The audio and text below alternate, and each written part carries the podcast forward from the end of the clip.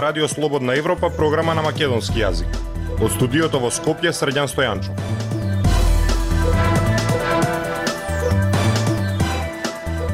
Слушате неделното интервју на Радио Слободна Европа, почитувани. Наш денешен гостин е председателот на Сојузот на стопански комори Трајан Ангеловски. Тој вели дека со оглед на иселувањето, земјава за воиднина ќе мора да размислува за увоз на работна сила од странство. Точно е дека за овие плати тешко дека ќе може да донесеме странски работници, ама платите ќе мора да растат, вели тој. Слушајте не. Господине Ангеловски, главна тема во изминатите денови е договорот со Бехтел и Енка за изградбата на коридорите 8 и 10. Што ќе значи изградбата на овие автопати за бизнисот? Бизнисот секогаш во изминатите години алармирал дека капиталните инвестиции се на прилично ниско ниво и дека ни фали квалитетна инфраструктура, се со цел да може македонската економија да се развива. Така да секој денар потрошен во инфраструктура, капитални инвестиции, ние сметаме дека е на вистина добар потек и вистински инвестирани средства на вистинско место. Заради договорот се менуваат 8 закони, а договорот за автопатите е тајна. Како гледате на тоа? Полека ова прашање од економско станува политичко, со оглед дека тежиштето е изместено од можда класичен економски договор кој би требало да се воспостави и регулира според законите за јавни набавки, понуди од повеќе компании и така натаму е донесен во една правна политичка процедура во собранието и затоа сега ние сме сведоци на сите овие дискусии помеѓу опозиција, опозиција, па сите овие работи кои се јавуваат во овој временски период, така да мислам дека прашањето во овој момент е повеќе политичко отколку економско има обвинувања и од опозицијата и од невладени организации дека со овој договор се ставаат другите фирми во понерамноправна положба. Ние сметаме дека секогаш систем каде што повеќе компании би можеле да конкурираат и да достават понуди за иста работа е прилично здрава економски работа и ние секогаш сметаме дека повеќе понуди систем со тендерирање е за нас вистинскиот начин за реализирање на ваквите големи инфраструктурни објекти. Господин Ангеловски, храната на светските берзи поевтинува 12 месеци поред и сега е 20% поевтина од лани, според Агенцијата за храна и земјоделство на Обединетите нации. Кај нас е 20% повисока од лани. Владата обвинува дека трговците се богатат на грбот на граѓаните. Имате ли објаснување зошто така се движат цените? Многу луѓе се иселуваат или наоѓаат вработување во други земји и поскапува и цената на трудот. Одредени кадри, гледате и вие сте сведоци, дека ги немаме во онаа посакувана расположливост како што би требало. Така да за очекување дека не само храната, туку и повеќе сервисни услуги и други работи кои се јавуваат како трошок во, во економијата или, или суровини или енергенти или се останато дека би можело да, да поскапи. Така да а, минатата година се случи голем шок со а, војната во Украина. Нагло поскапеа одредени прехрамбени производи, меѓутоа во исто време поскап, поскапе и цената на трудот и затоа имаме впечаток дека не се вратија цена, цените на храната на посакуваното ниво како што беа изминатите години. Нашиот заклучок е дека никогаш нема да се вратат на тоа ниво толку ли е битна цената на, струја, на трудот? Струјата е поевтина двојно повеќе од лани, според Хупекс. Поевтина храната на светските берзи.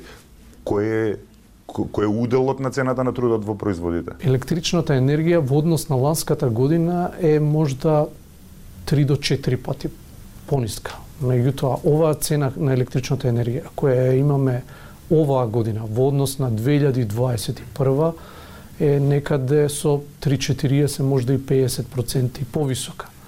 Така да да ги гледаме на во поширок обсек работите, да не ги гледаме во релативен поим од месец на месец, од година на година, затоа што некогаш може да добиеме и погрешна представа за движењето на цените на енергентите. Така да живееме во реален свет, треба да, да, да разбереме дека цените се формираат на, на пазарот слободно, врз база на понуда и побарувачка и за нас единствена очекувана реакција на државните институции доколку сметаат дека негде постои одреден систем каде што треба да се реформира, се со цел да се зголеми понудата, тука ја очекуваме реакцијата на државните органи, а ова со замрзнувањето на цените, мислам дека се уверивме дека е работа која е не баш толку а, посакувана и некогаш може да даде и контраефекти. Господин Ангеловски, ако некој средношколец денеска ве праша што да студирам за утре да имам сигурна работа и пристојна плата, што би му препорача леве три области? Па, очигледно, сведоци сме на голем технолошки напредок, дали во IT индустријата или во одредени други слични инженерски индустрии, така да мислам дека инженерството во овој временски период на технолошки промени е можда вистинскиот избор за разлика од одредени други социјални науки. Имајќи предвид и вештачката интелигенција, Мислам дека сите овие иновации треба да ги сватиме во еден единствен правец, дека се направени да му го олеснат животот на секојдневниот човек. Иницијативата Отворен Балкан почна пред повеќе од 3-3,5 години. Се подпишуваат договори, помпезно се најавуваат, ретко се ратификуваат во собранието, до нивна имплементација не сме ни стигнале. Во што е проблемот?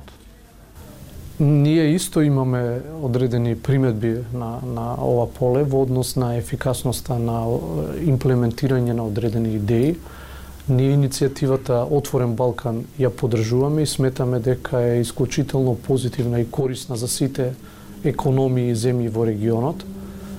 Меѓутоа сметаме дека многу повеќе има политички состаноци, а според нашите анализи има само неколку имплементирани мерки и дека ефикасноста на имплементацијата на овие идеи и мерки треба да биде на повисоко ниво. Во што е проблемот?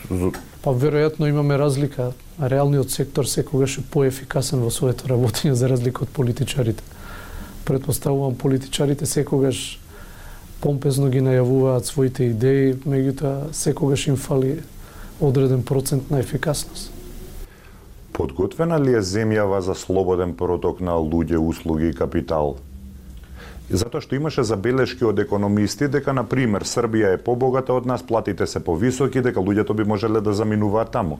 Видете, и во овој момент вие имате слободно движење на луѓето со малку поголеми административни бариери или со малку помали. Еве, ние сме сведоци дека во гостителскиот сектор се случува така да речеме еден голем на наплив на понуди за работа во одредени големи туристички земји во регионот и луѓето масовно ги прифаќаат тие атрактивни финансиски понуди и одат да, да работат во тие земји. А, реалноста е таква одредени економии, ако можат по, подобро да, да, да ги платат луѓето од нашата економија, луѓето ќе заминат за подобар живот. И тука не треба да го сваќаме дека е тоа некоја трагедија, едноставно треба да се потрудиме и нашата економија да може рамноправно да им конкурира на овие економии.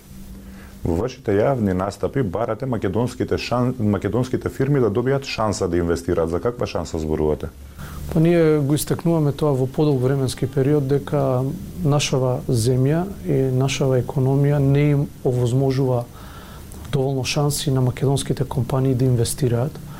Дали станува збор во производни капацитети, не постојат доволно локации за изградба на индустријски капацитети, дали станува збор за енергетиката, дали станува збор за одредени други можности за да вие го, привлеч, го привлечете вниманието и тоа на, на крајот на денот се приметува и според а, инвестициите кои Зошто во што е проблемот со тие административни процедури? Нема волја, нема знаење, нема луѓе.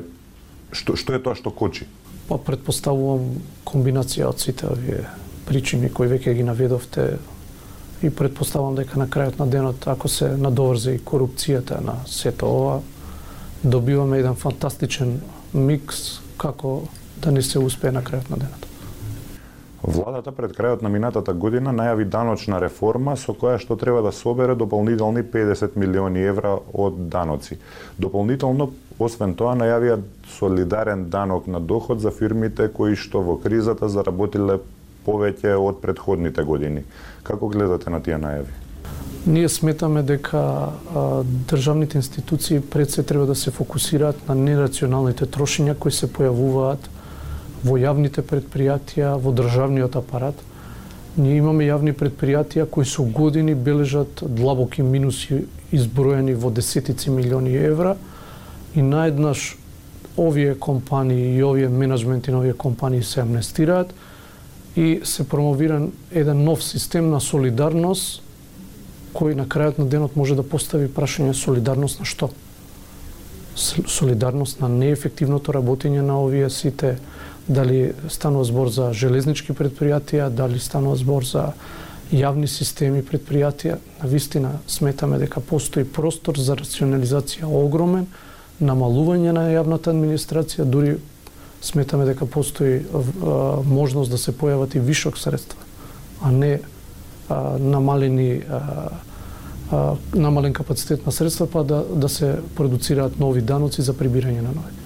Но ваков солидарен данок веќе воведоа и многу западноевропски држави. Знаете, запад, западноевропските држави каде што имате вие големи конгломерати на енергетски компании и тој солидарен данок да го примените во една мала Македонија каде што нашата економија претрпена вистина големи шокови од таа енергетска криза, мислам дека е некомпатибилен пример. Власта ја отвори темата за увоз на работна сила од странство. Во услови кога над 100.000 луѓе се невработени во Македонија и уште 200.000 луѓе воопшто не се вклучени во пазарот на труд. Толку ли на вистина ни фалат работници? А, првенствено сметаме дека треба да се реформира работењето на Агенцијата за вработување, Министерството за образование кој продуцира кадри на, за кои тешко се наоѓа вработување и можда да се влијае на сивата економија, се со цел домашниот проблем да го решиме. Меѓутоа, одливот на, на работници кои се вработуваат во одредени држави од регионот или во Западна Европа или во други земји каде што се подобро платени, ние на долг крок ќе мораме некако да го надоместиме, Така да секако и во тој правец мораме да размислуваме фигуративно, ако статистичките податоци покажуваат константно иселување, ние не можеме да имаме еден сад каде што константно имаме истекување на вода, а во ниеден момент да не створиме еден механизам каде што ќе можеме да долеваме течност во тој сад и да го компензираме да ја компензираме таа загуба. Значи, на дол крок мора да се размислува. Ја споменавте сивата економија. Сметате дека невработеноста не е толку голема? А, според наши слободни процени, ние сметаме дека вработеноста е на пониско ниво од официјално прикажаното. Постои можност да еден дел од овие луѓе, иако се водат за невработени, може да се ангажирани во неформалната економија. Од каде би увезле работници? Во Србија има, од Непал, од Виетнам, од Филипини, Во Хрватска исто, но платите се драстично поголеми од кај нас. Зошто би дошле да го поминат пола свет и да работат кај нас за пониски плати, ако може да работат во Белград или не знам на Хрватско примарје за поголеми плати? Добра ви е констатацијата. Со вакво ниво на плати нема тоа да се случи, меѓутоа на подол крок и нашите плати ќе растат и ние ќе дојдеме во ситуација како соседна Србија, Хрватска, Црна Гора или регионот, така да ќе дојдеме и ние во ситуација да мораме на некој начин да ги мотивираме овие работници од тие азиски земји со одредени бенефиции да евентуално прифатат да работат во нашава земја. Но ако платите се 700 евра, може би тогаш ќе се зголеми бројот на македонци волни да работат. Па, знаете, како ќе се зголемуваат платите, така ќе се зголемуваат и цените на продуктите, на услугите и така натаму. И тоа е еден неповратен процес ќе мораме да зголемуваме ефикасноста. Знаете, на едно работно место, доколку сега имаме три четворица луѓе кои ја извршуваат истата работа, ако може еден или двајца да извршуваат, така да ќе мораме рационалноста да ја зголемиме на повисоко ниво. Ви благодарам за издвоеното време. Ви благодарам на поканата. Го слушавте неделното интервју на Радио Слободна Европа, почитувани со председателот на Сојузот на Стопански комори Трајан Ангеловски. Од студиото во Скопје со вас беа продуцентот Дејан Балаловски и Срдјан Стојанчов. До слушање.